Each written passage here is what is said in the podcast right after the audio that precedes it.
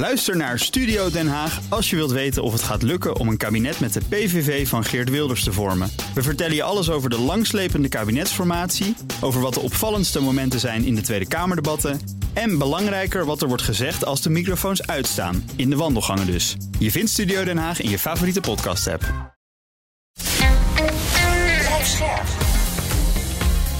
BNR Nieuwsradio.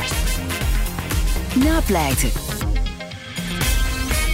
Wouter Laumans en Christian Vlokstra. Maar daar liepen gewoon een supporter en een agent in de chaos, renden tegen elkaar op en deden wel een beetje, duwden elkaar van zich af en dat was het. En hebben gewoon niet alleen die man zelf, heeft die nekklem gezegd, maar dus ook twee andere verbalisanten die meenden dat ze dat incident hadden gezien.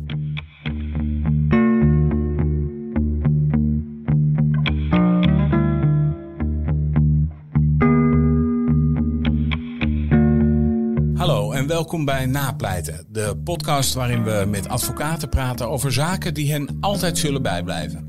Mijn naam is Wouter Laumans en naast me zit mijn sidekick die juridisch een stuk beter onderlegd is dan dat ik dat ben. Dat is strafpleiter Christian Vlokstra. Welkom Chris. Dankjewel Wouter.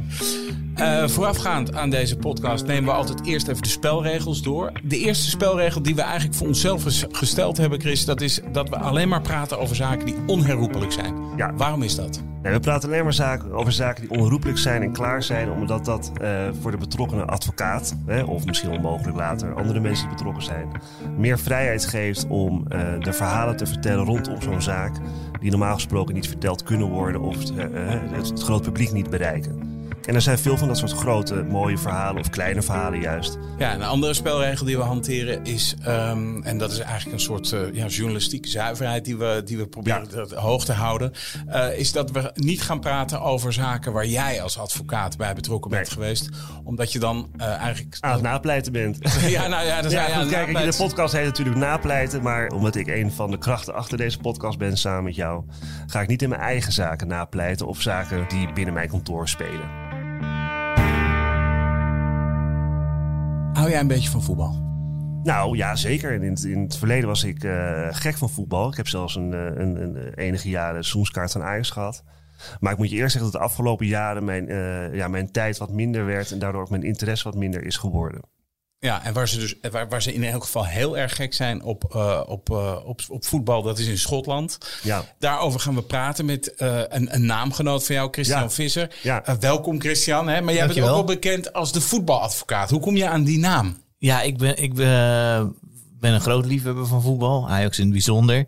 En toen ik studeerde, toen had ik me op een gegeven moment opgegeven voor een supportsvereniging die de harde kern behelsde. En daar deed ik de juridische zaken. Dus gaf ik juridische advies over stadionverboden. En toen ik eenmaal advocaat werd, toen is dat verder gegroeid. Kwamen er nog steeds uh, supporters naar me toe. Eerst alleen van Ajax en later ook van andere clubs. En uh, ja, toen, uh, en ja, dat, dat uh, spreekt aan. En, en ik weet van journalisten dat ze altijd moeite hebben bij die supporterzaken om mensen te vinden die geïnterviewd willen worden. Want supporters zelf komen liever niet op televisie. En, nee, als je met staaf hebt staan gooien of weet ik veel wat ja. van verdacht wordt, laten we het, laten we het zo maar formuleren in deze podcast. Ja, dus dan, en dan is het voor journalisten fijn om een aanspreekpunt te zijn. En ik vind dat leuk. Dus dan, ja, en dan daardoor groeide het ook weer. Als gezegd behandelen we in deze zaak, eh, of in deze, in deze podcast altijd zaken die, uh, die uh, advocaten heel erg zijn bijgebleven of die in een, op een bepaalde manier bijzonder zijn geweest.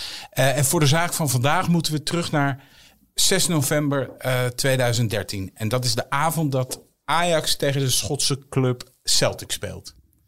Zat jij in het stadion? Ja, ja, zeker. Ja. Maar al toen ik toen, die, toen het al op de Dam begon, zeg maar, toen werd ik al gebeld van mensen die daarbij waren. Mensen uit Nederland die zeiden, die best veel wedstrijden hadden gezien, maar die zeiden, ja, wat hier gebeurde, dat is echt niet normaal. Ja, want e- even, even ook voor de introductie uh, voor ja. Christian Vlokstra. voor, voorafgaand aan die wedstrijd, hè, dus uh, Ajax Celtic in november uh, 2013, verzamelden zich fans van Celtic op de Dam en die waren heel veel bier aan het drinken. en op een gegeven moment stelen dan Ajax supporters een vlag. Uh, of een Celtic vlag, denk ik. En, uh, en dan, dan breken er een, een soort van rellen uit, toch? Zeg ik het zo goed? Ja, en het eerste wat ik goed heb kunnen zien... is dat er beelden zijn van dat er bij de Damstraat, die hoek...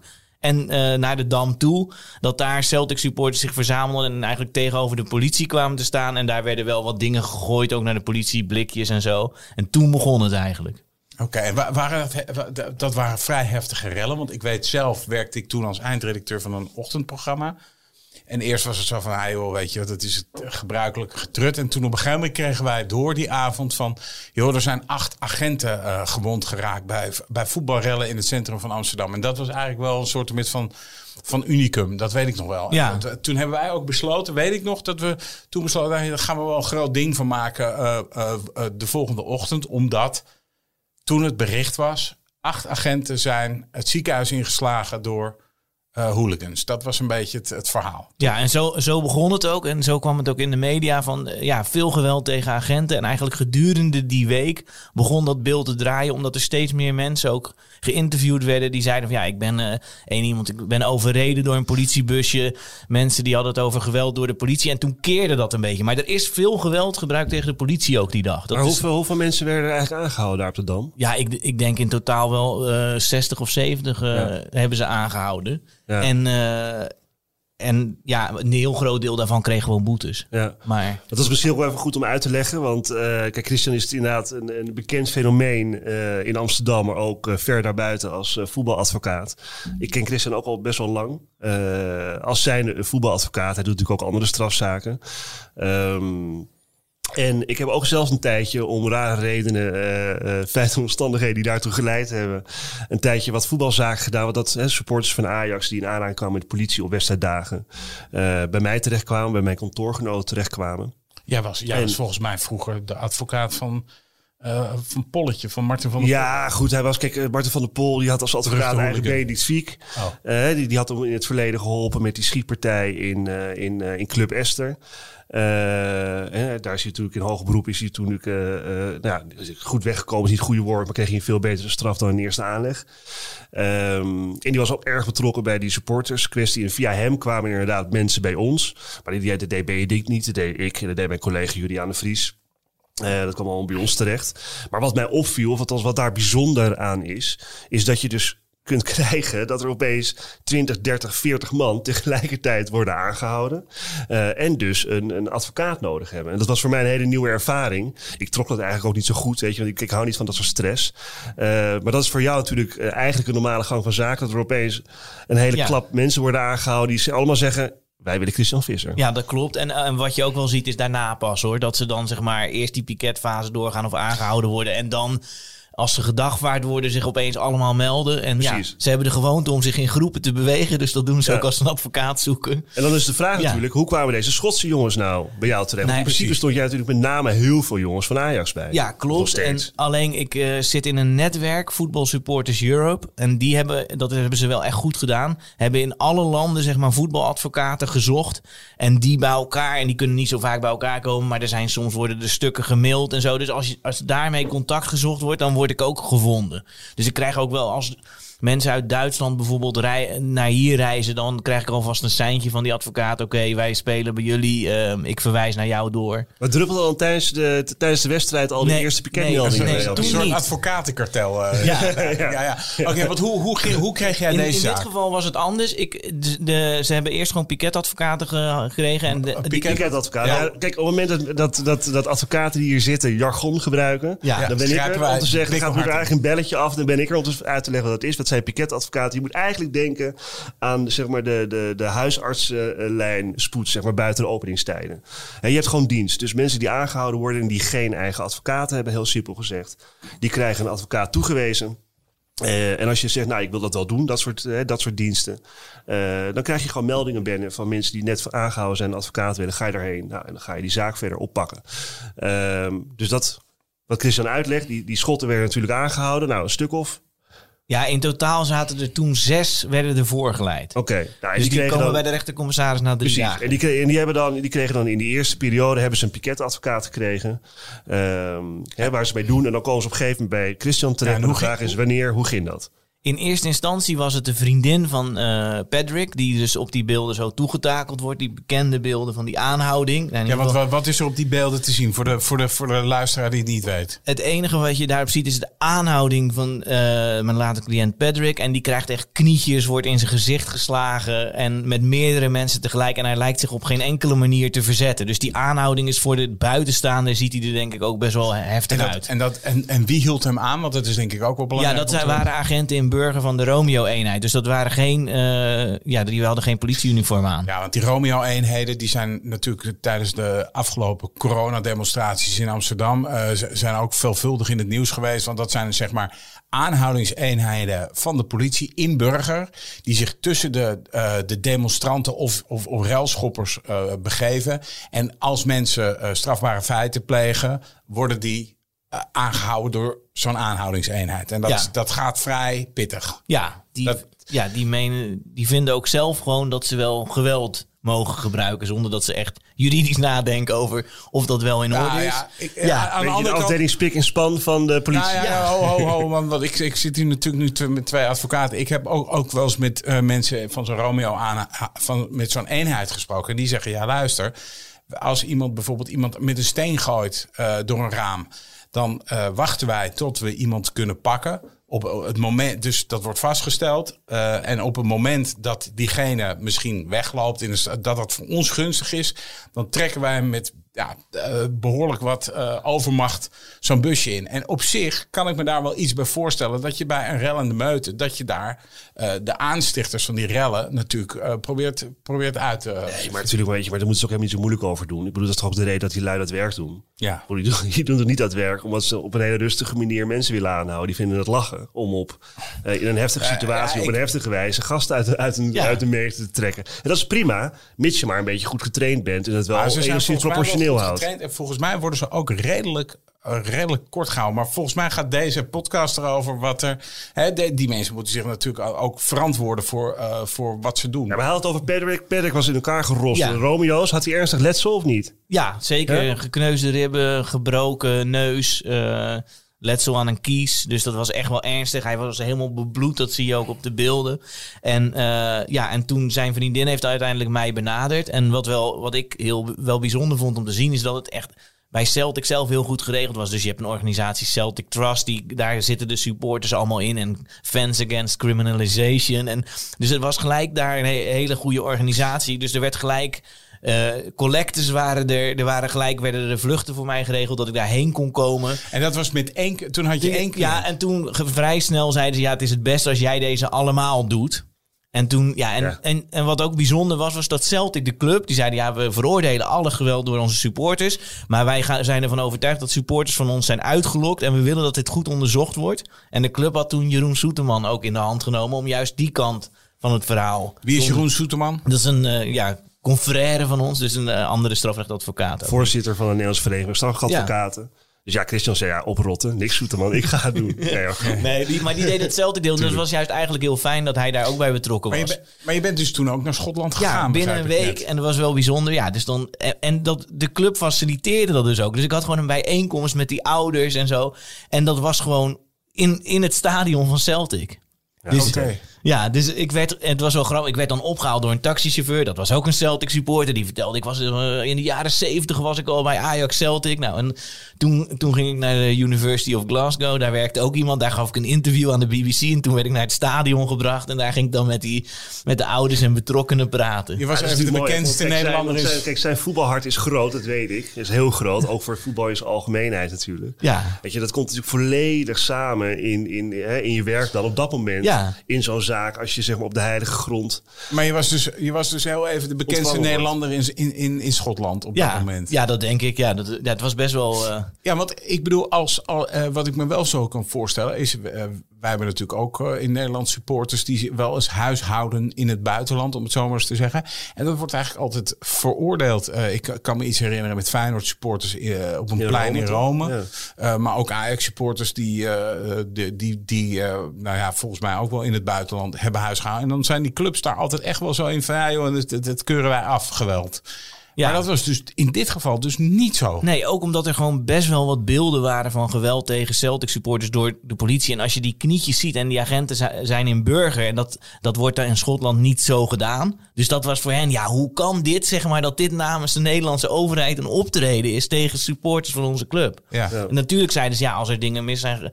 want er was ook gewoon geweld tegen politieagenten. Met name na die aanhouding overigens. Maar dat werd ook wel Ja, veroordeeld. want Maar hoe de- verklaar je dat dan? Dat geweld na die aanhouding? Nou, Wat ik bedoel, de, het idee was echt dat zij dachten dat zij werden aangevallen door hooligans van De- Ajax. En de Celtic support. ja, de Celtic supporters en dat hele plein keerde zich gewoon tegen die, die mensen. En dat werd, ja, dat, op een gegeven moment werden die agenten in Burger werden echt aangevallen. Omdat Maar even gezien zij staan in die Damstraat. Ja. Ja? eh, de politie staat op de Dam, begrijp ik dan? Nee, iets eigenlijk andersom. De politie kwam uit de Damstraat en die, Ja. gingen, die renden het plein op en die hield, hielden toen... Zeg, Maar, dat, maar dat moet, ze- hadden zij niet eerder door dat daar gewoon ME stond of zo? Bedoel, ja, er stond er mee, maar die mensen in Burger kwamen daar van achter vandaan, zeg maar. zij En zij- dachten, de, de IJs-hooligans, eh, Ja. onder auspiciën van, Ja, ja, van de goed. Amsterdamse ME. de, ik van- bedoel, het moet wel... Ja, dat was verwarring, ik begrijp Ja, het hoor. er was, verwa- er was verwarring, want de, die- de ME stond ook zeg maar, met name op, eh, op de stoep zeg maar, in de Damstraat. Dus het was niet dat ze zeg maar, van achter Nee, een nee. cordon kwamen. Maar ja, het was chaos. En eh, bijvoorbeeld mijn cliënt... had- Mensen zullen ook wel dronken geweest zijn. denk ik. ja, zeker. Nee, ze dronken echt heel, heel Ja, maar die veel. schotten die schijnen wel van een biertje te houden, toch? Ja, ja, ja, echt, eh, ja, zeker. Ja. Dat was ook gewoon goed te zien toen het plein helemaal leeg was. Dus de, ja, want dat weet ik ook nog. Dat, Ja. dat, dat plein was een ravage. Dus wat eigenlijk jij zegt is van joh, doordat die Schotse supporters het fenomeen Romeo niet kennen, dachten zij wij worden aangevallen door Ajax supporters, jongens in gewone kleding. ja. Eh, en daarna is het helemaal uit de hand. Ja, ja, precies. En toen is er echt heel veel te- eh, geweld geweest tegen, een, eh, tegen agenten. Ook bij dat incident bij die tram. Dat die tram voorbij rijden, reed en dat één agent probeerde weg te rennen. En toen tegen een lantaarnpaal rende. Omdat hij zeg maar, tussen die tram en die paal vast kwam te zitten. Jezus. Oeh. Ja, ja, dus hij rende, ja, hij rende mee. En toen, ja, dus die liep ook echt hard. Ja, ja. Dus ik kan me ook wel voorstellen dat die agenten op dat moment, hè, die natuurlijk dan gewoon hun werk aan het doen zijn, eh, wat je daar natuurlijk ook van vindt, dat die behoorlijk eh, in de rats hebben gezeten op dat moment. Ja, zeker. Nee, ik ben van mezelf. Ik denk van mezelf dat ik genuanceerd genoeg ben om dat ook in te zien. En ik snap ook wel dat er ook wel woede was bij die agenten. Eh, en dat, dat maakte denk ik ook de kans groter op, op fouten, bewust of onbewust. Maar goed, even terug naar de Ja. zaak, toch? Ja, Ja, Pedro, of hoe heet, het ook? Patrick. Patrick, sorry. Ja. Ga ik meteen ook zelf Engels praten. heel, heel klunzig. Eh Patrick, wanneer kreeg je die zaak bij jou binnen eigenlijk? Was dat meteen Ja. naar de voorgeleiding? Ja, of- kort na de voorgeleiding. Zat hij toen En- nog vast? Ja, dus er zaten twee mensen nog vast van de zes. Ja. En die andere vier waren terug. En die, die heb ik toen ook ontmoet, zeg maar. Ja. Eh, daar bij Celtic Park. En er zaten er nog twee jongens vast. En, en toen kwam ik dus met zes zaken. En dat was wel een beetje veel misschien. Want, het we- we- want ze, binnen eh 14 dagen stond het toen op zitting, zeg maar, voor snelrecht. En die Want jongens hebben tot aan de zitting, die twee hebben die tot, hebben tot aan de zitting vastgezeten. vastgezeten. Ja. en wat is een snelrechtzitting, jongens? Ja, ja. een belletje eh, hebben we Wat is een inmiddels uh, aangeschaft. Ja, ja. Eh, snelrecht, ja, dat komt eh, eh, een beetje ge- gewone mensentaal, allemaal niet super genuanceerd, maar het komt er eigenlijk op neer dat snelrecht wordt ingezet bij dit soort incidenten, waarbij dan mensen eigenlijk binnen eh, een termijn van 14 dagen al voor de rechter staan. En dan heb je al nog super snelrecht, dan gaat het binnen drie dagen of vier dagen. Eh, dus even totaal iets anders dan wat jij gewend bent. eh, van de zaken die jij meestal verslaat. Eh, er gebeurt iets en binnen 14 dagen sta je op zitting. Maar wat betekent dat? Het kan eigenlijk alleen maar op het moment dat het, de zaak simpel is. Weet je, Ja. dat, dat de feiten helder zijn. Dat er geen nader onderzoek hoeft plaats te vinden. Dat het gewoon eigenlijk voor iedereen overduidelijk is. Dit is er gebeurd. En eigenlijk alleen maar die rechter hoeft te zeggen. Oké, de stempel erop. En dit is de straf die ik eh, daaraan verbind. Maar goed, jij was erbij. Ja. Op dat moment. Nou ja, maar ik had toen, ik heb zeg maar, er was ingestemd met snelrecht door de vorige, Ja, altijd, joh, ja. die piketadvocaten. altijd. Ja, bij- nemen ze beslissingen dat je achteraf denkt. Maar ik begrijp wel dat in dit soort zaken, want ik heb natuurlijk ook wel eens eerder voetbalrellen verslagen daar, eh, en, en grote demonstraties, daar doen ze wel vaker snelrecht. Dat het eigenlijk ook wel gunstig is om te zeggen, ja, ik wil snelrecht, omdat het dan het snelst voorbij is. ook. Precies, en zeker weet je, als je in voorlopige hechtenis zit, weet je, dan ben je er waarschijnlijk ook het snelste uit. Heb je het snelste het eindoordeel. Het, kun, het kan zeker voordelen hebben, maar maar, de zaak, maar de zaak moet zich er wel voor lenen. Ja. Ja, ik bedoel, ik neem dat die uh, piketadvocaten niet per se kwalijk. Omdat ze natuurlijk ook niet echt op de was, hoogte gewoon, was, waren. was een eh, grapje van mij. hè. Ik, Ja. hou van de piketadvocaat. ik bedoel, ik heb bent het piketadvocaat. zelf toch ook wel Ik ben er zelf ook nog Ja. eens, absoluut. Ja, dus, maar ja, dat, dat, ik heb er wel uiteindelijk toch nog om getuigen gevraagd van tevoren. Ik dacht, ja, ik doe het gewoon. En ook op zitting heb ik nog gezegd, ja, dit is zo complex. Dit, dit, dit is helemaal niet geschikt voor snelrecht. Die zitting duurde ook acht uur. Dat is Dus al ik- lang. Ja, we kwamen gewoon om half elf uit de rechtbank s'avonds. Jeetje. Oh, want hij stond gewoon om half twee gepland of Ja, zo. precies. Dus, Kan je ja, nagaan, dus een snelrecht hè, Ja. voor, voor niet complexe zaken, acht uur later. ja, dus eh, en ja, Zo. met, met alle... En dat was hier in Amsterdam. Het was in Amsterdam, maar er waren camera's van Sky News, BBC Scotland en alles. En het werd gewoon allemaal gefilmd. Ja, en ik weet nog dat jouw jouw kantoorgenoot, volgens mij, eh Kenem Kanatan, dat die als een soort Saskia Belleman eh, ging hij op Twitter die zitting verslaan, toch? Ja, dat klopt. Eh, waardoor hij ook opeens eh, tienduizenden volgers uit Schotland natuurlijk bij kreeg, die die zitting wilden volgen. Ja, Oh, klopt. ja, ja. En eh, nou, daar tiert hij nog steeds op, toch? Ja, Nee? zeker. Nee, ja, en we hebben het ook wel eens over. Er was één reactie van een vrouwelijke volger die zei: I must say, those Dutch lawyers are definitely easy on the eyes. Oh ja. Oh, kijk. Zo. Dus je, nee, maar goed, eh, maar hoe dan ook. Ja, dus het was echt, het werd heel erg gevolgd. En ik vond het ook best wel lastig hoor. Want je, je hebt toch relatief korte voorbereidingstijd. En ja, wat kies je dan en waar ga je op zitten? Ja. En eigenlijk was het totaal ongeschikt voor zo'n snelrechtszitting. en dan, maar bij een snelrechtszitting wordt er ook eh, snel vonnis eh, Ja, gelezen. er werd gelijk uitspraak gedaan. Dat, en eh, vijf van de zes werden veroordeeld. Tot een maand en twee maanden gevangenisstraf. Maar de twee die vastzaten werden wel geschorst. Dus dat is, dat is heel bijzonder. ik zie Christian eh Vlokstra fronsen. Ja, joh, weet je, kijk, je hebt soms eh, vonnissen. Eh, dat kent iedere advocaat wel en volgens mij iedere officier ook. En iedere rechter, als hij heel eerlijk is, ook. Eh, die een ander doel nastreven dan waar een vonnis voor bedoeld is. Eh, hè, of die, die, die een compromis zijn tussen bepaalde belangen. Kijk, op het moment dat jij eh, in zo'n supersnelrecht een gevangenisstraf oplegt, ja, dan is het natuurlijk ook de bedoeling dat die gevangenisstraf wordt uitgezeten direct. Als jij eh, de mensen, zeker voor de mensen die al vastzitten, hè, een, Ja. van jouw, een van jouw cliënten, ehm, op het moment dat je die dan schorst en de andere mensen niet vastzet, ja, dan zeg je eigenlijk ga je in hoger beroep.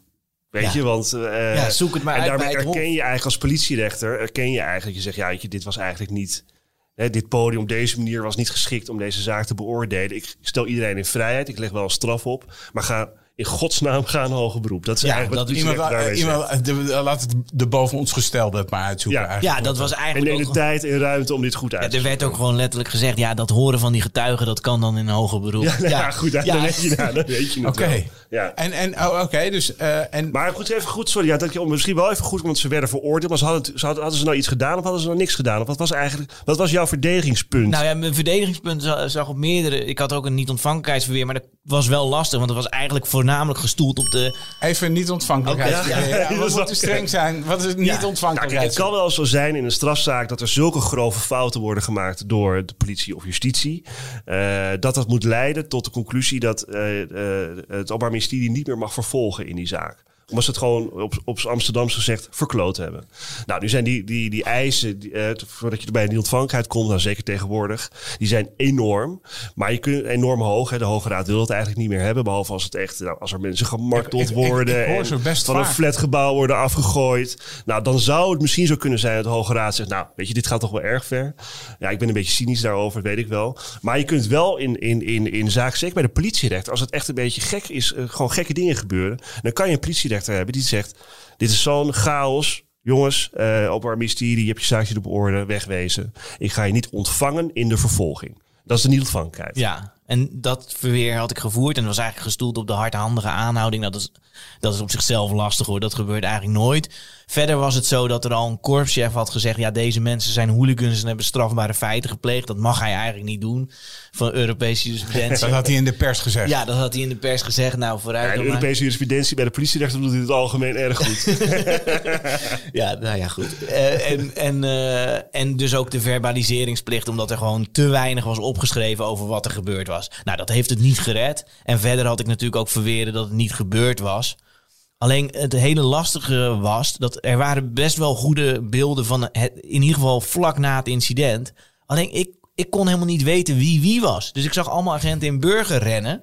Maar ik wist niet welke van die agenten degene waren die bijvoorbeeld hadden opgeschreven dat mijn cliënt iemand een klap gaf. Ja, precies. Ja. Dus Oké, maar je wist wel wie de agenten in Burger waren en wie de supporters waren. Dat kon ja, je dat zien. kon je dan nog wel zien, Ja, ja. zeg maar. Omdat die, Ja, want het is al, Ja. ja. ik bedoel, ik heb wel eens van die beelden gezien. Dat is een kluwe mensen die er over elkaar heen buitelt eh, als, het, eh, als het een beetje heftig is. Ja, ik denk dat het op deze manier totaal ongeschikt is om te gebruiken. Ik snap dat ze zeggen, ja, we wachten tot er iemand wegloopt. Maar dat was in deze zaak zeker niet het geval. Ze gingen er gewoon gelijk op. Ja, ja. Want een van die agenten die mijn cliënt heeft aangehouden, die, die pakte eerst iemand anders beet, gaf die knietjes. Die ontsnapte en vervolgens draaide hij zich om en gaf die mijn cliënt knietjes. Ja, ja. dan ben je niet eh, iemand even aan het Nee. weghalen van een aanhouding. Maar na die uitspraak, hè, Ja. dus eh, de- de- eh, nogal een uitspraak waarin gezegd wordt van... joh jongens, zoek het in hoger beroep maar uit. Wij gaan hier onze... ja, dit, dit is eigenlijk niet, niet geschikt voor ons.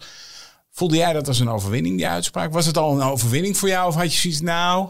Het is wel grappig dat je dat vraagt. Want ik, toen ik uit die zitting, ik moest natuurlijk gelijk reageren voor de camera. En toen ik eruit liep, was ik eigenlijk boos. Maar het is een kerm, je moet het claimen als overwinning. En je moet zeggen dat je heel blij bent met de vrijlating. En dat heb ik toen gezegd. Oh, dus je krijgt ook gewoon een soort media-advies. Ja, nee, maar dat was heel fijn, want, want eh, mijn collega Kerm had heel de dag in die zittingszaal gezeten. Ja. En, ik, en, ik, en achteraf ben ik ook blij dat ik dat gezegd heb en sta ik daar ook achter. Alleen op het moment dat zoiets gebeurt, ben je gewoon ontevreden over wat jouw cliënten wordt aangedaan. Ja.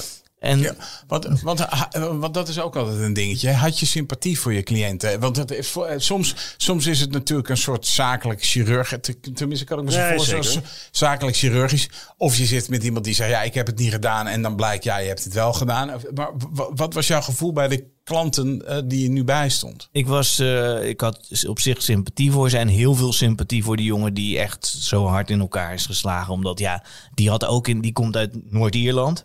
Huh? Ja, dat is eh, voor mensen die het eh, voetbalsupporters die luisteren. Celtic is eigenlijk een club van de Schots, van de katholieke minderheid in Glasgow. En in Noord-Ierland heb je natuurlijk ook altijd grote verschillen tussen katholieken en protestanten. Ja. Dus er zijn heel veel Ieren in zijn algemeenheid. Zij noemen het één land. Hè. Zij vinden dat Ierland één land zou moeten zijn. Ieren, en met name in Noord-Ierland, die katholiek zijn. En naar Celtic gaan met de boot iedere twee weken om wedstrijden te kijken. En Patrick, mijn cliënt, was daar dus één van. Oh, ja, joh. Ja, dus die komt uit Belfast. Ja, die was manager bij een kledingzaak, had ook daar een blanco strafblad. Ja, Wat, wat was, was zijn verhaal van die avond dan? ja, hij zei, ik was met mijn vriendin uit eten. Ik liep toen daarna de dam weer op. En toen zag ik inderdaad geweld tegen andere supporters. En toen liep ik die kant op en toen wilde ik daar iets gaan doen. En toen werd ik gewoon in elkaar geslagen. Hij zei, van, ik wilde die, die eraf duwen van iemand anders. En dat is uiteindelijk ook een, was ook een aangehouden Celtic supporter. Ja, ja. Ja. En toen was hij de pineut. En toen was hij de pineut. Ja. Ja. Goed, eh, maar, Maar ik denk dat je, ik als ik, eh, ik, Ja. want ik snap je vraag namelijk, dat je zegt, weet je, als je- sympathie hebt voor je cliënt, voel je dan ook zo'n uitspraak meer. Ja. Dat is natuurlijk denk ik in zekere zin sowieso wel zo. Maar als ik naar mezelf kijk, zeg maar zeker negatieve emoties, dus boosheid, ehm, die komen met name voor op het moment dat, eh, kijk, dat je gewoon denkt, dit is een onrechtvaardige uitkomst. Dit is gewoon niet, weet je, ook omdat je waarschijnlijk vaak meer weet dan die rechter, omdat je natuurlijk hè, ook met je cliënt spreekt die, die ook bepaalde feiten, omstandigheden voorbrengt die die rechter niet kent. Maar dat, dan is dat je echt, dat, dat, is, dat is meer bij mij altijd. Ik weet Ja, en je hebt ook dat hebt. beroepseer natuurlijk. Ja, Ja, je- en je beroepseer. Weet je, Ja. Dat je gewoon echt een, een fucking goed verweer hebt. En dat het gewoon wordt afgewiepeld op een manier. Ja, maar zeg, come on. Weet je, dit doe je alleen maar omdat je dat andere doel wilt bereiken. ja, ja. ja, dus daardoor was ik wel... eh, ja. Ja, ik vond dat zeker... eh, Dus, je, dus je ging in- in hoger beroep. ja, zeker, ja. En, maar dit vonnis, dit was dus in 2013. Ja, en toen is er... Waarom weten we niet precies. Waarschijnlijk ook... eh, het heeft bij de rechtbank heel lang geduurd voordat ze het vonnis hadden uitgewerkt. Ik kan me ook wel voorstellen, zeg maar... Met zes verdachten op zo'n politierechter Acht uur zitten. lang, één ja, griffier. acht uur lang en dan een griffier. Ja, dat moet allemaal Want uitgewerkt wat doet de griffier? Eh, Ja, die schrijft alles op. Ja. Maar ja, dat is natuurlijk maar... eh, en met een eh, Ik tol... weet niet of het een ervaren griffier is. Want het kan best wel zijn bij een politierechter dat daar een beginnende griffier Ja. onder zit. Ja, dus, dus dat, ja, dat heeft eh, tijd gekost voordat het ook al eenmaal bij het Hof was. Ja, en toen bij het Hof zei... Nou, tijd is ja, jaren. Ja, jaren. Uiteindelijk is er dus in twee, begin 2019 een uitspraak gedaan in deze zaak. Ja, wacht even. eh, Ja, eh, maar- ter- terug. Want ja. dan, dan hoger beroep. Ja, dat, dat- en dat was wel... bijzonder om te zien. Dan, ko- dan kom je bij dat hoge beroep. En ik, Want jij had onderzoekswensen in. ja, je. ik, Jij had wilde allerlei- ik, getuigen ik horen. wilde Jij- alle agenten horen. Ik wilde alle beelden hebben. Dat zei ik al heel de tijd. Ik bleef maar herhalen. Ik wil alle beelden hebben. Want ja, mijn cliënten zijn onschuldig. Dus Ja, kom maar alles, door met die alles. beelden. Ja, dat, doe- normaal doe je dat niet altijd. Maar, hou ze weg, hou ze weg. Nee, ik heb Oh ja, oh ja, dus als je een schuldige cliënt hebt, zeg je nee, laat die beelden maar zitten. Nou ja, als, als, als, als, als op, die, op die beelden zijn schuld blijkt, dan eh, geloof Ja, ik ja. wel die beelden. Ja, ga ik, niet, ga ik niet graven, zeg Nee. maar. En dat was nu wel zo. Ik zei, ik wil alle beelden. Ik wil, en ik bleef er maar over doorgaan. En dat heb ik toen ook gezegd. En alle getuigen horen. En, ehm, en, eh, dus, en ook degene... Dus, en de, ehm, ja, iedereen die erbij betrokken was. En het geweld. En alle, gewoon alle verbalisanten hebben we alle, gevraagd. alle gekregen. Romeo's ook. Ja, uiteindelijk wel. Maar het, eh, dat is dan ook weer een les voor mezelf. Je, je komt dan uit zo'n eerste aanleg. En dan denk je, ja, iedereen is toch wel duidelijk dat hier in ieder geval heel veel is misgegaan. En dan kom je gewoon bij het Hof. Die, ja, die, hadden, die dachten gewoon, oh, huistuin en keukenzaken, hoge. Ja, dus die in eerste instantie zaten ze echt zo, ja, getuigen horen. Ja. Toen, ja, ja, Het is een politierechter geweest. Ja, precies. Dit is Dus- gek, meneer Visser. ja, dus toen, maar toen liet ik die beelden zien, zeg maar. En toen werd het wel, eh, ja, toen werd het wel anders, zeg maar. Toen gingen ze, werd Dit wel alles om. toegewezen. Ja. En toen hebben- is er ook echt de recht, raadsheer commissaris Ping, dat is dus de onderzoeksrechter die de getuigenverhoren afneemt.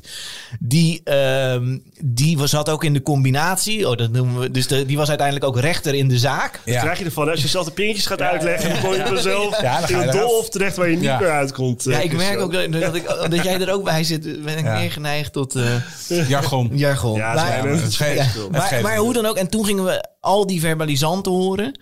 Ja, en dat was wel... Die, die, die ra- raadsheer commissaris die het dus deed, die was ook zelf echt wel gewoon... Die zat er echt bovenop, zeg maar. En, en toen werd er, werd er zoveel meer duidelijk. Ja, want, want het, het probleem was volgens mij, als ik het goed heb, die beelden. Ja, die, nou Die ja, beelden waarvan jij zegt, joh, ik kon er eigenlijk helemaal niks op zien. Dus er waren beelden van die, van die aanhoudingen, van die, van die rellen. Waren er ook beelden natuurlijk, maar daar... Nee, het was, eigenlijk- eigenlijk, het was eigenlijk anders. Van, zeg maar, die aanhouding van eh Patrick, daar waren hele duidelijke beelden van. Daar zat ook een medeverdachte, die zat in datzelfde incident. Maar er, waren bijvoorbeeld, er was nog een medeverdachte, daar was helemaal geen beeld van, van, van zijn aanhouding. En daar waren gewoon, zeg maar, drie verbalisanten die zeiden dat hij een nekklem had aangelegd bij een agent. Oké. Ja, dat moet je niet doen. Nee, nee, dat moet je nee. ook niet Nee, doen. dat mag alleen andersom. Maar eh, die, dus die, dus die, eh, dus wat er gebeurde was, ja, we gingen die agent. Nou, oké, dat begon dan iedere keer. We hadden die hele goede, want het, het toeval wilde dat die beelden die van die aanhouding waren, die waren extreem goed. Dat was een professioneel, professionele camera, dus die waren veel beter dan de beelden die de politie normaal heeft. Ja, en dan begonnen we iedere keer. Oké, hier ziet u de beelden. Welke collega's ziet u? Waar bent u zelf? Ja, je moest het helemaal ja, uitspellen. Ja, precies. En dan, ik heb uiteindelijk met de hulp van eh, een studio... heb ik zeg maar de beelden zo gemaakt dat er ook namen boven kwamen... zodat ze helemaal konden zien wat er gebeurde. Maar wat er ook gebeurde was, zeg maar... een van die verbalisanten zei... oh ja, nee, die en die, ja, die zat in de filmploeg. De filmploeg? Maar er waren helemaal geen beelden. Ja, misschien... Toen zei hij gewoon letterlijk... en misschien zat het dopje erop.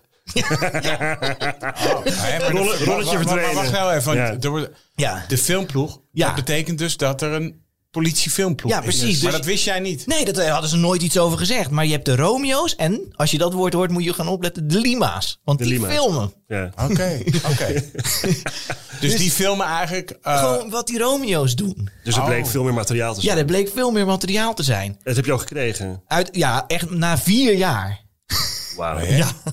En wat bleek uit dat... Want je had natuurlijk procesverbaal. Hè? Dat Ja. is wat, wat, de- wat, de- wat de politie opschrijven. opschrijft. Ja. Ja. Hè? Wat er is gebeurd. En, en, en wat, wat was de... Wat toen je die beelden zag en dat, die beelden legde je naast de procesverbaal. Nou, dat bijvoorbeeld dat incident met die nekklem, dat was gefilmd. Maar daar liepen gewoon een supporter en een agent in de chaos, renden tegen elkaar op en deden wel een beetje, duwden elkaar van zich af. En dat was het. En hebben gewoon niet alleen die man zelf, heeft die nekklem gezegd, maar dus ook twee andere verbalisanten die meenden dat ze dat incident hadden gezien. En dat werd als een poging doodslag eh, vervolgd of zo? Nee, dat niet. Oké. Dat niet. Want het, ja, het zou dan wel kort zijn. Maar ja, dat werd gewoon duidelijk. En ook bij die schermutselingen zelf werd gewoon duidelijk dat er meer geweld werd gebruikt. En wat mij duidelijk was geworden door, door dat ik de namen wist, was dat het in het geval van Patrick, dat bleek dat de agent, er was één agent die zei ik ben geslagen, maar ik weet niet door wie. Op het moment, en die andere twee agenten zeiden ja, dat was eh, meneer Patrick die dat deed. Maar die agenten die waren gefilmd toen ze het plein opliepen. En je kon zien dat die dat die derde verbalisant toen al weg was van het incident. Ze konden Dus, dus ze hebben. konden hem, als het al gebeurd was, hebben zij het nooit kunnen, kunnen zien. Maar dat betekent dus dat er dus gejokt is in eh politieverklaringen. Ja, Dat is wel serieus natuurlijk. ja, en daar zat een ander detail in waardoor we dat ook al konden weten. Mijn cliënt die droeg een jas ten tijde van het voorval. Maar die is dusdanig hardhandig aangehouden dat hij zijn jas verloor. Toen vertelde hij mij, ja, ik zat in mijn cel en toen kwamen er twee agenten en die zeiden, doe de dekenis van je af. Want hij zat daar natuurlijk, hij was gewond. En toen, en toen is er opgeschreven, ja, die en die man in een Celtic shirt. Maar het sloeg die derde agent. Maar toen hij die, die agent sloeg, had hij in ieder geval nog geen Celtic shirt aan. Daar was een jas overheen. Oké. Dus er wordt achteraf wordt gewoon het bewijs eh, tegen Ja. het is, het is gewoon... En waar we dus ook achter Schande. zijn, zijn gekomen, dat, dat wist ik, ondanks dat ik heel veel supporterszaken doe, wist ik dat eerlijk gezegd nog niet. Wat ze doen is, die Romeo's houden iemand aan, dan komen ze bij de bus. Diegene in de bus schrijft op, die agent, heel kort van ja, openlijk geweld of dit gebeurt. En dan eh, gewoon het, eh, en de naam van de verdachte. En dan gaat hij met dat briefje gaat hij mee naar het bureau. En die agenten gaan gewoon doorwerken. En aan het eind van de avond gaan ze van al die aanhoudingen opschrijven wat er gebeurd is. Oh ja, ja. ja, Ja. Maar, dat, maar dat kan natuurlijk ook eigenlijk niet anders. Nou ja, ja dat, dat is aan de ene kant waar. Maar eigenlijk moet je gewoon iets opschrijven. Je Ja, maar moet- of je moet het anders doen. Ja. Kijk, want dan moet je gewoon zeggen: hey, we, hebben, we, we nemen alles op. ja. Eh, en we gaan geen proces verbaal maken, maar we gaan het wel, wat, wat, wat Christian nu zelf moest doen. Dus de agenten gaan ontdekken en daar, en daar dopjes op zetten, gekleurde dingetje, om te zien hey, wat gebeurt er nou eigenlijk, wie is nou eigenlijk wie. Doe dat dan lekker en laat dat dan zien. Ja. In plaats van dat je proces verbaal gaat zitten maken die ofwel niet kloppen, omdat je door de hectiek gewoon helemaal niet hebt goed kunnen waarnemen als agent.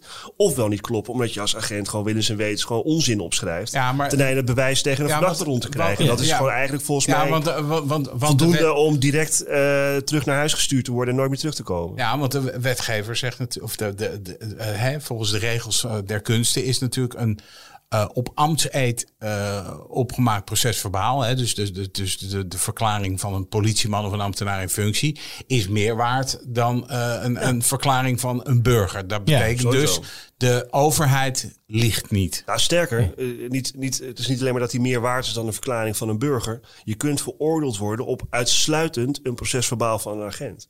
Je kunt nooit veroordeeld worden op één bewijsmiddel. Behalve als het procesverbaal van een agent is uit eigen waarneming. Oké, dus ja, en dat vind ik voor, voor dit soort zaken, met alle cameratechnieken die we nu hebben, eigenlijk niet meer van deze tijd. Ze hadden de beelden, maar ze hebben Ja. gewoon de beelden niet, Nee. eh, niet, niet Ah, ja, gevoegd, wat- niet, wat is het, gedaan. ja, is dat het idee dat, dat wat jij eraan over hebt gehouden, dat ze dat expres niet hebben gedaan? Of is het eh, ambtelijke eh eh, prutserij geweest? Dat is wel moeilijk, omdat er ook wel echt eh, ja, best wel domme dingen gebeuren in die zaak. Ja, maar als jij al vier jaar loopt te schreeuwen om camerabeelden... Ja. Ja, dus daar, daar ben ik wel heel cynisch over. Over dat opschrijven. Ja, dat is, dat is wel lastig. Maar in deze zaak ben ik wel heel wantrouwend over hoe het gegaan is. Ja. Kijk, Ja. jij, denkt dat, is- jij denkt daar echt dat de politie eh, eh, vuil spel gespeeld heeft? Ja, maar het is een patroon, hè? Kijk, je moet, het is altijd zo. Dit soort dingen spelen vaak. Weet je, PV's die overduidelijk en later niet blijken te kloppen omdat er toch camerabeelden zijn. Dat speelt eigenlijk altijd vaak op het moment dat de politieagent in kwestie zelf betrokken is. Dan wel door geweld bij aanhouding, dan omdat er iets ontstaat en eigenlijk zelf een soort van belanghebbende wordt in wat er daar gebeurd is, omdat hij daar zelf een, een rol in heeft die misschien niet helemaal kosher is geweest. En dan wordt het proces verbaal wordt eigenlijk, ja, maar dat schrijft hij dus niet meer alleen maar in het belang van de waarheidsvinding, maar dat schrijft hij ook in zijn eigen belang. Ja. En dat is een probleem. Kijk, en je zou eigenlijk moeten zeggen op het moment dat de eigen waarneming van de verbalisant in een proces verbaal gaat over iets waarbij die verbalisant een zelf betrokken is op enige wijze. Dat we niet meer die bewijswaarde daaraan toekennen. Want dat maakt, kijk, die verbalisant is dan niet anders dan, dan, dan Christian, Christian, Wouter of wie dan ook. Ja, Weet je, ja. die heeft gewoon zijn eigen persoonlijke belang. Nou ja, en we weten dat mensen kunnen liegen ten behoeve Ja. van hun eigen persoonlijke belang. Ja, ja. Ja, dus dat... dat En, wat, en wat deed het Hof? Nou ja, dat was wel bijzonder. Want eh, ja, uiteindelijk is in, er waren nog vijf eh, verdachten over. En eh, in drie zaken is het Openbaar Ministerie niet ontvankelijk verklaard. Vanwege dus die valse processen verbaal. En dat staat ook in het, in het, Ja. in het ja, ze hebben wel gezegd dat opzet niet vast te stellen is, maar wel grove veronachtzaming. Nou ja, oké. Dat, dat, Ja. dat moet ik zien. Dan kijk ik ook even ontvankelijkheid Christian is nodig dat, er doel, dat de rechten van een verdachte doelbewust dan wel met grove veronachtzaming worden geschonden. Nou, doelbewust, dan zeg je gewoon, nee, dat hebben jullie met opzet gedaan. Nou, grove veronachtzaming is, eh, dat grenst daaraan. Weet je. Dat is gewoon ja, grove roekeloosheid, eh onachtzaamheid. Ja. Eh, maar goed, ja, daar, daarmee worden ze dan nog enigszins gered. Maar goed, Ja. ja. Maar ja, er stond ook eh, een zin in van ja, als we niet kunnen vertrouwen op processen verbaal van verbalisanten, dan, is- Dan haal het op, zo- hè? ja, dan zakt de strafrechtspleging als een kaarthuis in elkaar stond Ja. erin. En, zo, de, en de, de voorzitter is gepromoveerd op vormverzuimen. En kun je nagaan dat, Ja. dat, dat eh, sindsdien eh, er nog steeds dit soort incidenten zijn. Ja. Dat is een fors probleem. Ik bedoel, we, we zien het allemaal af en toe weer die zaken die oppoppen waar gewoon blijkt dat er valse procesverbaal worden gemaakt. Of, of althans procesverbaal die gewoon niet kloppen met wat er gebeurd is. En dat valt mij op dat het eigenlijk altijd is op het moment dat de agent zelf betrokken is. Dan wel mensen die een andere agent uit de wind, hè, andere agenten die een, een agent die betrokken is uit de wind houden.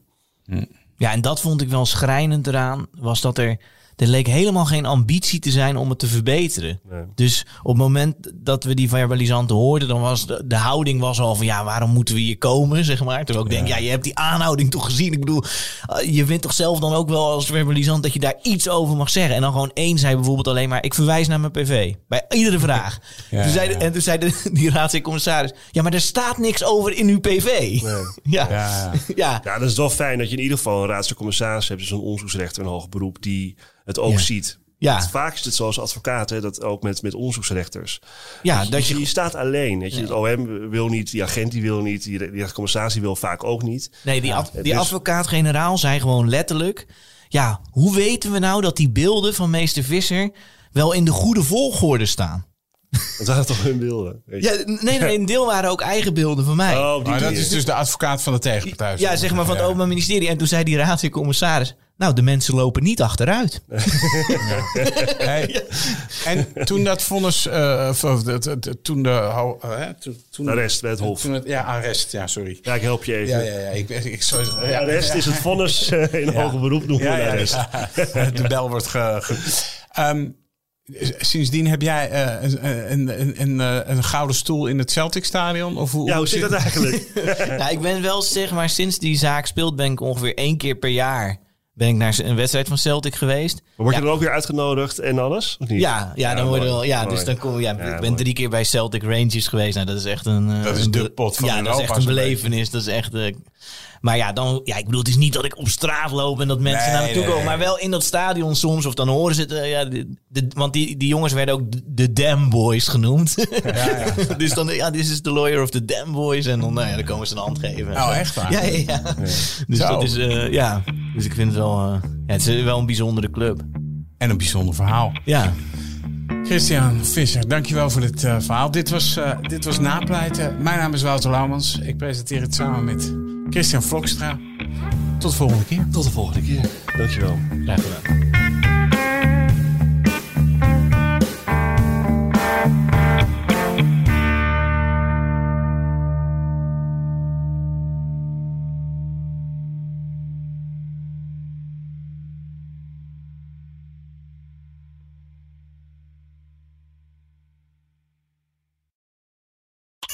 Harm Edens vind je in de BNR-app. Je kunt BNR Duurzaam niet alleen live luisteren in de app, maar ook terugluisteren als podcast, zoals al onze podcasts. En naast dat de BNR-app Breaking News meldt, houden we je ook op de hoogte van het laatste zakelijke nieuws. Download nu de gratis BNR-app en blijf scherp.